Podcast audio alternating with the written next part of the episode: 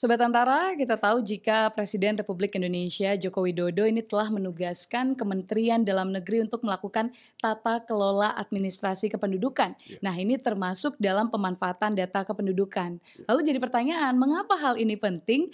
Karena administrasi kependudukan atau Adminduk ini merupakan acuan perumusan kebijakan dalam pembangunan. Untuk membahas lebih lanjut terkait tata kelola kependudukan saat ini seperti apa, kita akan langsung berbincang edisi Friday Talk kali ini bersama Direktur Jenderal Kependudukan dan Pencatatan Sipil Kementerian Dalam Negeri, ada Bapak Teguh Setiabudi. Halo Bapak. Halo juga Mbak Ovi. Iya, senang sekali kita bertemu kembali ya Pak. Iya waktu itu pas di Di acara, di acara. betul Iya. acara dari ada Ada kebudayaan gitu lah ya. kebudayaan dan Ah, ada juga peran dari dari pelayanan Dukcapil. Eh, Betul. pelayanan Dukcapil. Sekarang saya bisa main nih ke kantor Bapak. Makasih, makasih. Terima kasih. Nah, eh, terakhir ketemu ini kan membahas tentang IKD waktu itu. Nanti Iya, kita akan bahas antara lain tentang antara identitas lain ya. kependudukan digital itu. Betul, antara lain. betul, Ah, betul. iya. Tapi ini Pak, kalau kita membahas digital, mungkin iya. Bapak juga tahu rame banget dibahas Iya. gitu. belakangan ini, yakni terkait Iya. kebocoran data. Nah, mungkin Iya. ada yang Pak Teguh mau garis bawahi dan Iya. juga tekankan terlebih dahulu, silakan Pak. Baik eh, terkait dengan dugaan kebocoran data Dukcapil eh, kita sama-sama sudah maklumi ada pemberitaan dari Bridge Forum yang diunggah oleh user triple R gitu. Eh, di sini perlu kami tanggapin ya bahwasanya di Dukcapil bersama dengan BSSN dan juga stakeholder terkait itu telah melaksanakan mitigasi preventif dan juga audit investigasi secara cepat. Dan ini juga masih berproses. Hasilnya dapat kita sampaikan yang pertama adalah bahwasanya data yang ada di Bridge Forum dilihat dari elemen datanya itu tidaklah sama dengan yang ada di database kependudukan existing saat ini. Itu yang pertama. Dan yang kedua, juga perlu sampaikan Mbak Ovi, bahwasanya sejauh ini tidak ditemukan jejak kebocoran pada sistem informasi administrasi kependudukan atau SIAK terpusat yang dijalankan oleh Ditjen Dukcapil Kementerian Dalam Negeri. Dan kami sekarang masih dalam proses investigasi yang lebih mendalam, itu masih terus berlangsung untuk mendalami terkait dugaan kebocoran data tersebut dan sekaligus ini juga kami melaksanakan mitigasi preventif untuk pencegahannya di masa mendatang. Ini yang rame terkait dengan pemberitaan dugaan yang ada dalam Bridge Forum yang diunggah oleh user Triple R. Ya, ya berarti sekarang adalah eh, data memang sudah dilakukan investigasi ya Pak ya lebih Iya, lanjut terkait dan tepat dan Hmm. kita sampaikan bahwasanya database kependudukan existing yang ada di siak terpusat di Cendukcapil Hmm. tidak bocor. Tidak ditemukan adanya kebocoran. Tidak. Cross check lebih lanjut tapi investigasi Kami tetap masih berjalan. terus melakukan pendalaman gitu. Oke, berarti sudah di garis bawahi ini agar Iya. tidak blunder di luar sana dan Iya. masyarakat juga paham tentang Iya. kondisi yang terjadi saat ini. Iya. Oke, kita bahas lagi nih Pak terkait tentang tata kelola kependudukan. Kita tahu ini Iya. menjadi eh, PR juga ya, apalagi Iya. disuruh percepatan cakupan administrasi Mm, mm, kependudukan. Nah, ini sebenarnya seperti apa Pak percepatan cakupan administrasi kependudukan di Indonesia? Jadi eh, percepatan cakupan administrasi kependudukan ya Mbak Ovi ya, Hmm. kita laksanakan melalui berbagai hal.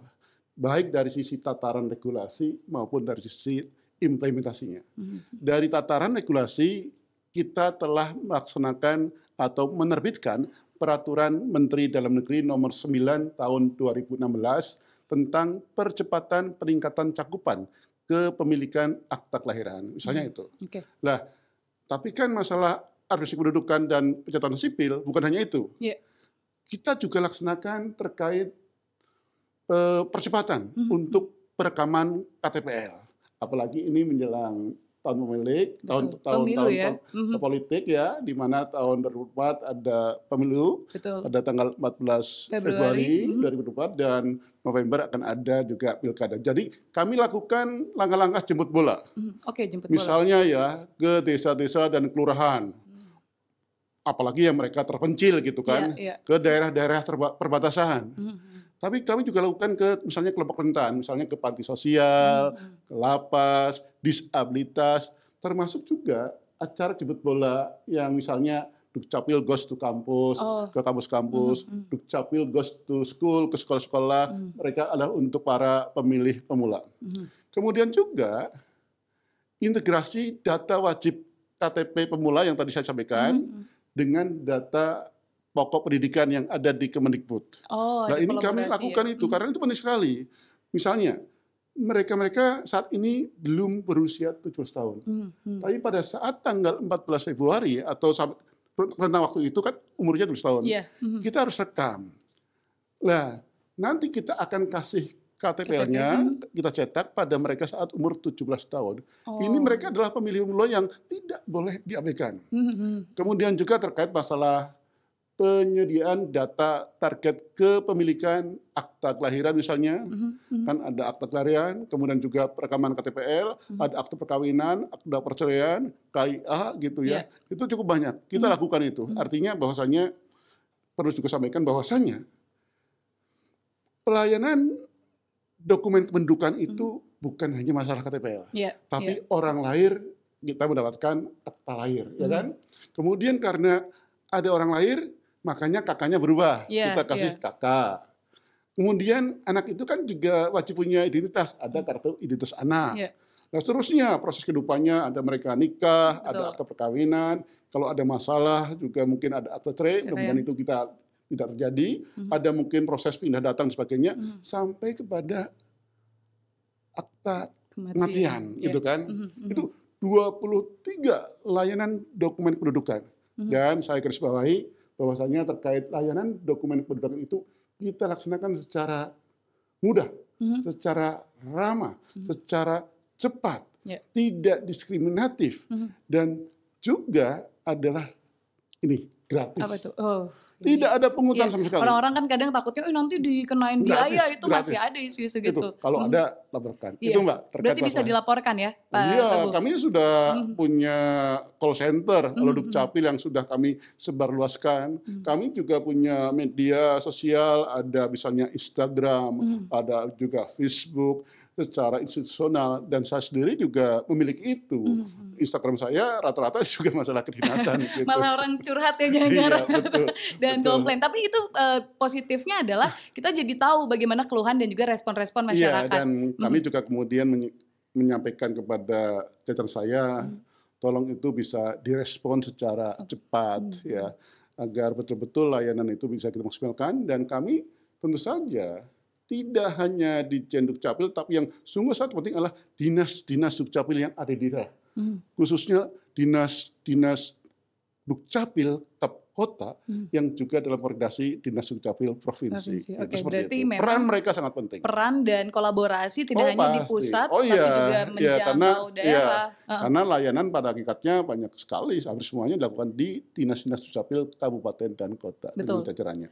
Tadi saya tangkap ada 23 layanan ternyata Iya, yang banyak ditangani ya. gitu. Iya. Tapi kalau sejauh ini selain KTP, pelayanan apa yang paling Bapak sering temukan di lokasi, Pak, yang mereka Ya, ku- kurang atau keluhkan atau seperti apa? selain akte lain, selain akte Mhm. KTPL Mhm. terkait dengan lampit Lampit. lahir mati pindah datang Oke. gitu loh. Oke, Lahir, ini masih mati, menjadi datang. kendala Iya, ya. Mhm. ah, seperti itu ya. Oke. gitu. Jadi banyak gitu. Mhm. Itu itu kan makanya dinamika kependudukan kita itu sangat-sangat eh, besar gitu. Betul. gitu. Tiap hari ada orang lahir, Mhm. tiap hari ada orang nikah, Mhm. tiap hari mohon maaf juga ada orang cerai, tapi tiap hari ada orang eh, pindah dan datang juga. Mhm. Ada juga yang mati juga. Iya, gitu. iya. Nah, kami lakukan itu. Nah, kalau selama perjalanan nih Pak, karena Pak Teguh juga saya kan Iya. sering melihat di Instagram terjun langsung ke lapangan. Iya. Respon masyarakat itu terkait adanya jemput bola seperti apa Pak? Dan Eh, evaluasi mungkin yang bisa dilakukan terkait program-program yang sudah berjalan? Respon masyarakat sungguh sangat bagus, luar Mhm. biasa ya. Mereka memberikan eh, atensi dan excited terhadap layanan jemput bola tersebut karena memang ini untuk mempermudah, Mhm. ini untuk mempercepat terkait layanan. Langsung kita turun Iya. gitu ya. Apalagi kondisi geografis misalnya tiap-tiap daerah itu berbeda-beda. Mhm. Kadang-kadang juga penduduk itu ingin mengurus sesuatu, tapi karena mungkin ada kesibukan-kesibukan lain, mungkin karena ada kendala, makanya kita juga lakukan jemput bola itu. Iya. Dan ini tentu saja dinas Dukcapil misalnya Kap Kota itu kolaborasi lah dengan berbagai jajaran gitu, berbagai. Makanya kadang-kadang kita sering temui juga ada pelayanan dukcapil di pusat-pusat keramaian. Iya. Kita memang dekat Bekerja itu. sama dengan Iya, mall, ada mall itu dan ya. sebagainya gitu. Bukan ke rumah sakit juga ada, ke sekolah, tapi seperti yang tadi saya sampaikan. Iya, iya. Tapi ke yang 3T itu juga dilakukan. Hmm, Oke, ini penting sekali. Saya juga tertarik pemilih muda. Ini kan berhubungan, Iya, semua berhubungan iya, dengan data ya, Pak Iya, ya. untuk pemilih pemula. Pemilih gitu. Pemilih pemula. ah, ah. Nah, mungkin boleh sedikit Pak terkait evaluasi. Apakah da- sepanjang perjalanan ada yang ingin dievaluasi dan itu menjadi ke depan target yang ingin dicapai oleh Dukcapil seperti Ya, apa? Hmm. terkait pelayanan dukcapil mestinya kami juga lakukan evaluasi juga ya. Hmm, Ada beberapa kendala ya walaupun kami juga coba atasi. Misalnya terkait kendala infrastruktur. Oke, infrastruktur. Hmm, Karena memang infrastruktur kita rata-rata adalah infrastruktur yang sudah produk lama Hmm, itu yaitu otomatis kualitasnya kan sebagai semakin menurun. Hmm. Kemudian dalam rangka misalnya perekaman KTPL itu butuh jaringan. Kadang-kadang jaringan juga naik turun di Hmm, daerah itu. iya, Walaupun iya. kami kadang-kadang bawa juga alat tersendiri gitu kan. Hmm. Kemudian juga geografis Indonesia kan dari Sabang sampai Merauke, Miangas sampai Pulau Rote itu Hmm. beda-beda. Tidak eh, semuanya daerah yang katakanlah mudah dijangkau. Kepulauan-kepulauan, gunung sebagainya itu kan juga ada. Tapi itu memang harus kita laksanakan. Makanya kita ada jemput bola di 3T. Iya. Dan tentu saja kami juga mohon dukungan dari seluruh para kepala daerah. Kiraan juga bisa memberikan atensi terkait dukungan anggaran pada setiap dinas dukcapil, entah yang di provinsi maupun yang ada di kabupaten kota.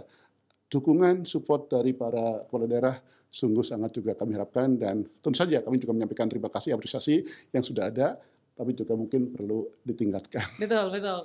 Karena ini masih berproses ya Pak kalau Iya. dapat saya simpulkan karena belum akhir ini masih berjalan terus. Iya, iya. Ada trial error selama perjalanannya. Iya, iya. Tapi yang penting adalah kuncinya kolaborasi. Iya. Tidak hanya di pusat Iya. tapi juga menjamah daerah-daerah dan juga Iya. kota di Iya. Indonesia. Nah, Pak, kalau kita sekarang membahas terkait integrasi sistem nih Iya. tentang administrasi kependudukan. Sebenarnya apa saja langkah-langkah yang akhirnya konkret dilakukan Iya. selain dengan input bola tadi?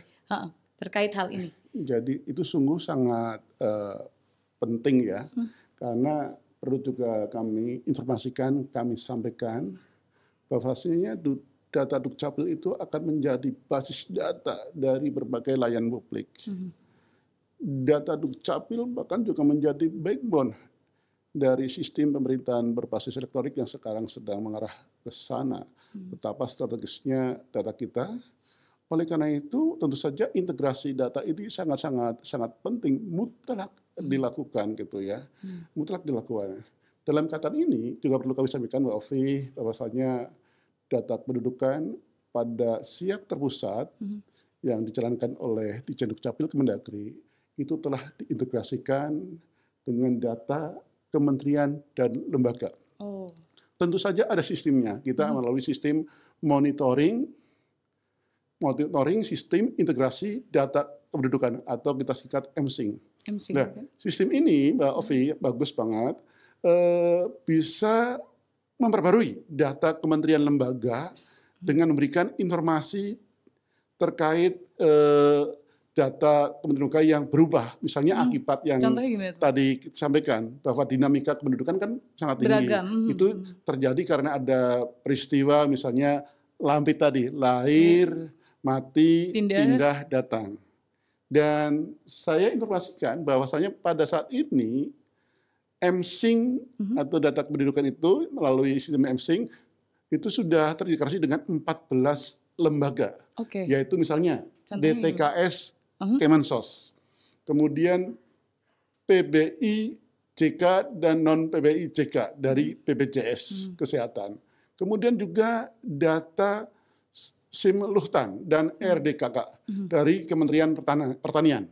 Oh. Kemudian juga ada data subsidi listrik dari PLN, data NPWP dari Dijen Pajak, Ya. data EMIS misalnya itulah dari Kementerian Agama. Oh. Dapodik data pokok pendidikan itu misalnya Mendikbud. eh, eh, ya itu dari KP dan Kemdikbud. Mhm, mhm. Kemudian data pemilih dengan KPU, Oke. data BPJS Ketenagakerjaan, data BPUM dari Kementerian Koperasi dan UMKM, data kepemilikan kendaraan gitu kan Mhm. dari Polri, Mhm. data kepemilikan tanah dari Kementerian ATR BPN, data ASN dari BKN, data vaksin COVID-19 itu dari Kemenkes. Mhm. Dan kami lanjutkan, selain itu juga ada data kependudukan yang telah dimanfaatkan melalui pemberian akses Mhm. Mhm. pemanfaatan itu bisa berupa web service, Mhm. kemudian web portal, pemadanan data, card reader, FR atau face recognition, dan juga identitas kependudukan digital kepada lembaga pengguna yang telah melakukan perjanjian kerjasama dengan Oh. Dijen Dukcapil. Lah, Ya. jumlahnya cukup besar sekarang. Iya, ternyata ribuan, banyak sekali, iya iya, ribuan iya, gitu kan. Jumlah lembaga yang sudah melakukan kerjasama dengan Mhm. kita 6.088, walaupun belum semuanya akses data gitu. Iya, berarti memang sejauh ini untuk integrasi sistem administrasi kependudukan sudah dilakukan kolaborasi juga dengan lembaga terkait Iya. dan kementerian Iya. khususnya untuk sinkronisasi Iya, data gitu ya Pak ya betul bisa saya betul. bilang. Dan ini nantinya Hmm. pastinya akan harus lebih kita lakukan percepatan karena bagaimana juga kita juga harus mensupport implementasi SPBE Hmm. dan juga ada kebijakan terkait masalah satu data Indonesia. Ya. Kita juga berperan di situ. Hmm, betul.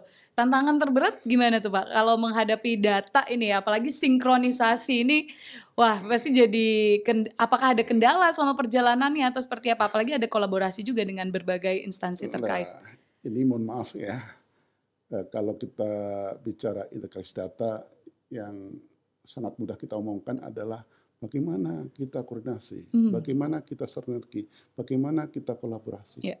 Namun itu mudah diucapkan, Implementasi. implementasinya itulah yang butuh komitmen yang besar dari Hmm. semua pihak. Betul. Gitu. Berarti memang mungkin sekarang kendala yang harus dihadapi adalah Ya, itu, tapi kita harus mengarah ke sana. Betul, gitu, betul, betul. ke sana gitu ya. betul. Gitu. Oke, Pak, eh, kalau tadi membahas sedikit juga nih terkait integrasi sistem administrasi. Saya tertarik adalah menjelang 2024 ya, Pak ya. Hmm. Untuk pemilu ini. Biasanya orang-orang kan takut ada data yang ganda atau apa. Nah, itu strategi-strategi untuk hal tersebut sudah ada belum, Pak, untuk Ya. pencegahannya? Pertama eh, perlu kami sampaikan. Mhm. bahwasanya koordinasi, komunikasi, kerjasama antara Dijen Dukcapil Kemendagri dengan KPU Mhm. sungguh saat ini berjalan dengan baik, Ya. bagus, dan terima kasih kepada KPU atas itu semuanya itu. Jadi kami juga telah menyampaikan misalnya DP4 Mhm. pada eh, 14 Desember 2022 yang lalu. Mhm. Kemudian kita juga bersyukur bahwasanya DPT nasional untuk pemilu 2024 sudah disepakati ditetapkan pada tanggal 2 Juli 2023 yang lalu. Hmm. Tentu saja eh, kami dengan KPU sudah melakukan katakanlah eh, pendalaman agar itu eh, tidak terjadi dan sekarang ini juga walaupun DPT itu sudah ditetapkan, kami masih memberikan updating data terkait tadi itu mati, pindah, Ya. datang itu kan harus kita sampaikan.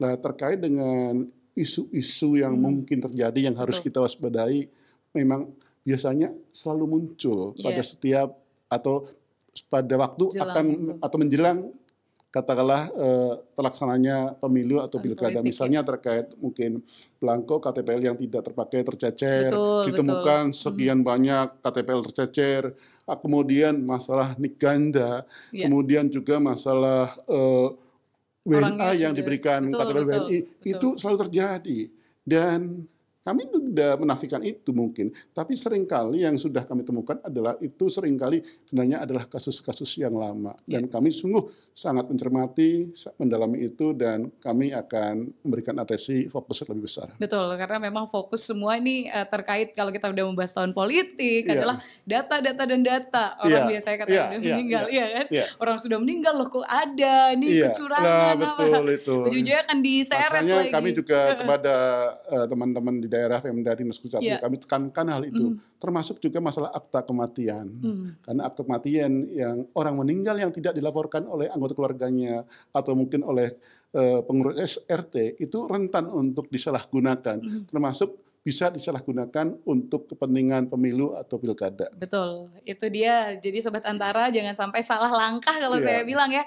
Jika terkait ada data ini harus langsung di cross check bisa langsung Iya. pergi ke Dukcapil. Nah, kita balik lagi nih Pak ke terkait tentang identitas kependudukan digital. Ini juga rame, tentu saja ini masih menjadi bagian dari integrasi sistem administrasi Iya. kependudukan. Ini sebenarnya seperti apa Pak identitas kependudukan digital ini? Eh, perlu kami sampaikan bahwasanya terkait dengan identitas kependudukan digital atau digital ID itu Mhm. adalah inovasi yang terbaru dari Dijen Dukcapil, Mhm. gitu ya.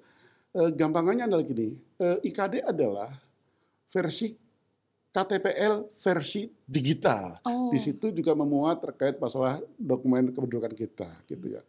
Ini kita lakukan eh, sudah kata sejak tahun 22 persiapannya dan sekarang kita lakukan dan ke depannya kita akan lebih masifkan karena banyak hal memang eh, bahwasannya bukan semata-mata untuk efisiensi belangko KTPL yang konvensional. Iya. Efisiensi ada memang. Mhm.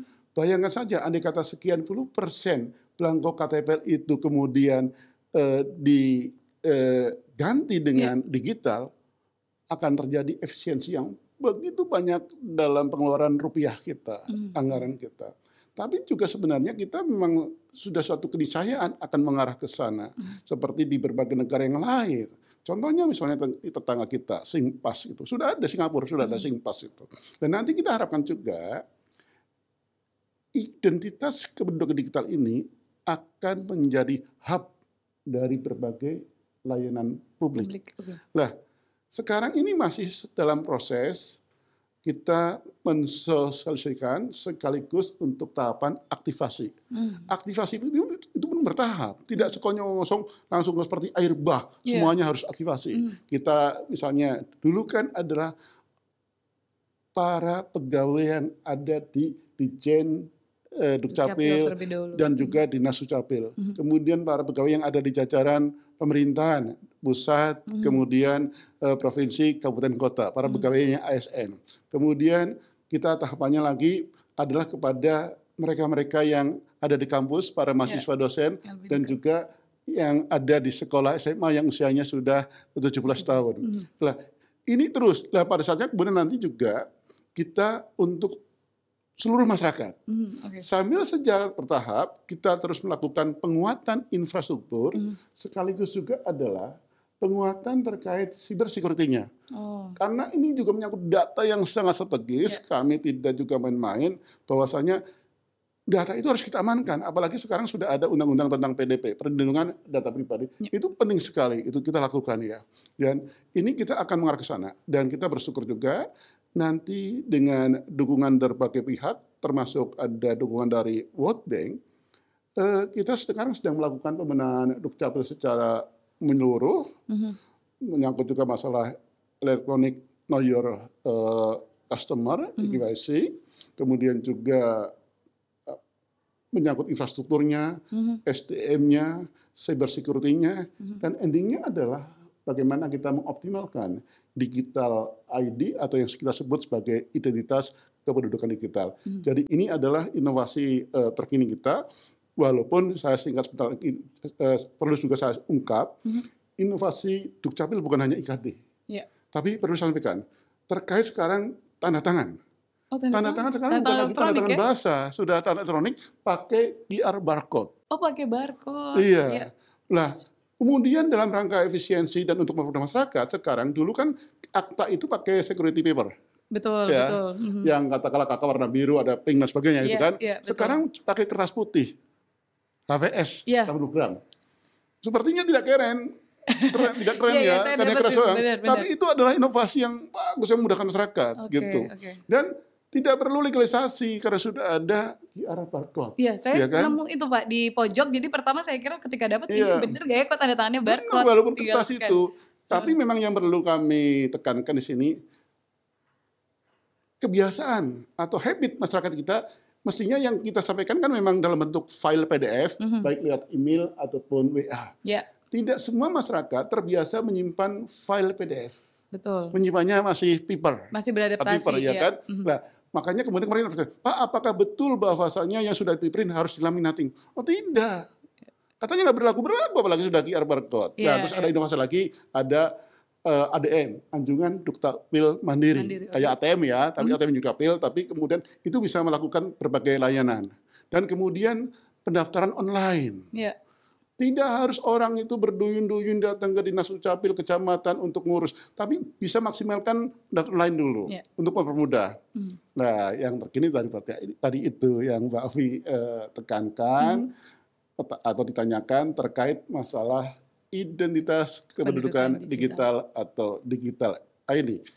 KTPL versi digital. Digital. Oke. Nah, sekarang sudah mulai terus kita kembangkan. Tadinya itu sebelum bulan Mei eh, aktivasi IKD hanya untuk Android, HP Hmm. Android. Hmm. Tapi sekarang sudah pakai iOS juga. Sudah Artinya berbagai jenis atau tipe HP Hmm. bisa dilakukan Sudah dijangkau Tapi ya. yang penting kami tekankan adalah kami juga harus memperkuat infrastruktur. Ya. Kami juga harus perkuat terkait masalah pengamanan data, Hmm. cyber security itu sendiri. Betul, betul. Jadi terkait masalah capacity, storage, cyber security itu menjadi perhatian kita semuanya. juga. Betul, saya setuju. Ini sebenarnya sudah dipermudah sekali dengan ada tanda tangan elektronik, Iya. lalu juga ada pengaplikasian barcode. Iya. Sebenarnya zaman sekarang itu untuk akses pencatatan kependudukan sudah sangat mudah ya Pak. Iya. Mungkin boleh Pak Teguh karena kita tadi sudah membahas salah satu Iya. identitas kependudukan digital. Ini mungkin Iya. perlu digarisbawahi jika Sobat Antara Iya. ingin melakukan identitas kependudukan digital bisa langsung diakses di Cuma saya tambahkan, ya. Mhm. Nah, terkait dengan masalah identitas kependudukan digital ini juga yang sangat penting adalah bagaimana masalah pemanfaatannya, Hmm. utilisasinya ini. Ini eh, kami sedang sudah eh, koordinasi bersurat kepada OJK, kepada BI, ya, dan berbagai perbankan agar IKD itu bisa dimanfaatkan untuk transaksi perbankan, Oh. untuk buka rekening, Hmm. untuk tarik eh, store tunai dan Hmm. sebagainya. Dan ini sudah mulai sebagai eh, awal kemarin kami lakukan misalnya IKD for banking untuk BPD Jawa Timur di Kota Surabaya Mhm. dengan Pak Wali Kota di sana. Nah ini sekarang dengan berbagai kantor pem- eh, perbankan yang pemerintah Mhm. tahap ke sana. Ya. Nah kemarin juga kami rapat dengan BPD DKI Jakarta misalnya dan seterusnya akan ke arah situ. Kami Oke. juga berharap nantinya dengan eh, Dijen Imigrasi nanti juga IKD mungkin bisa untuk eh, masalah imigrasi dan sebagainya. Betul. Jadi itu juga sangat penting untuk bisa betul-betul mengoptimalkan eh, fungsi atau manfaat dari IKD itu sendiri. Betul, saya setuju Pak. Sebagai closing saya, ini mungkin Ya. dapat saya bilang di zaman sekarang dengan mudahnya akses pencatatan kependudukan, sebenarnya sangat aneh ya Pak kalau orang nggak punya kartu identitas, benar ya Pak? Iya, iya, Ya, dan kita percaya juga ini Sobat Antara jika pencatatan kependudukan yang maksimal nanti ke depan akan memberikan pelayanan publik yang maksimal juga bagi masyarakat sehingga ke depan kita dapat meningkatkan SDM yang berdaya saing. Betul. Terima kasih Pak Teguh kasih. obrolan yang Ya, luar sama-sama. biasa dan Ya. semoga Sobat Antara ini bisa memberikan perspektif atau Ya. bahkan memberikan wawasan baru juga Ya. terkait data. Jika Sobat Antara butuh informasi lebih lanjut bisa langsung diakses di semua kantor Dinas Kependudukan dan Pencatatan Sipil terdekat Oke. di kota maupun kabupaten Anda. Sampai bertemu di episode lainnya dan sampai jumpa.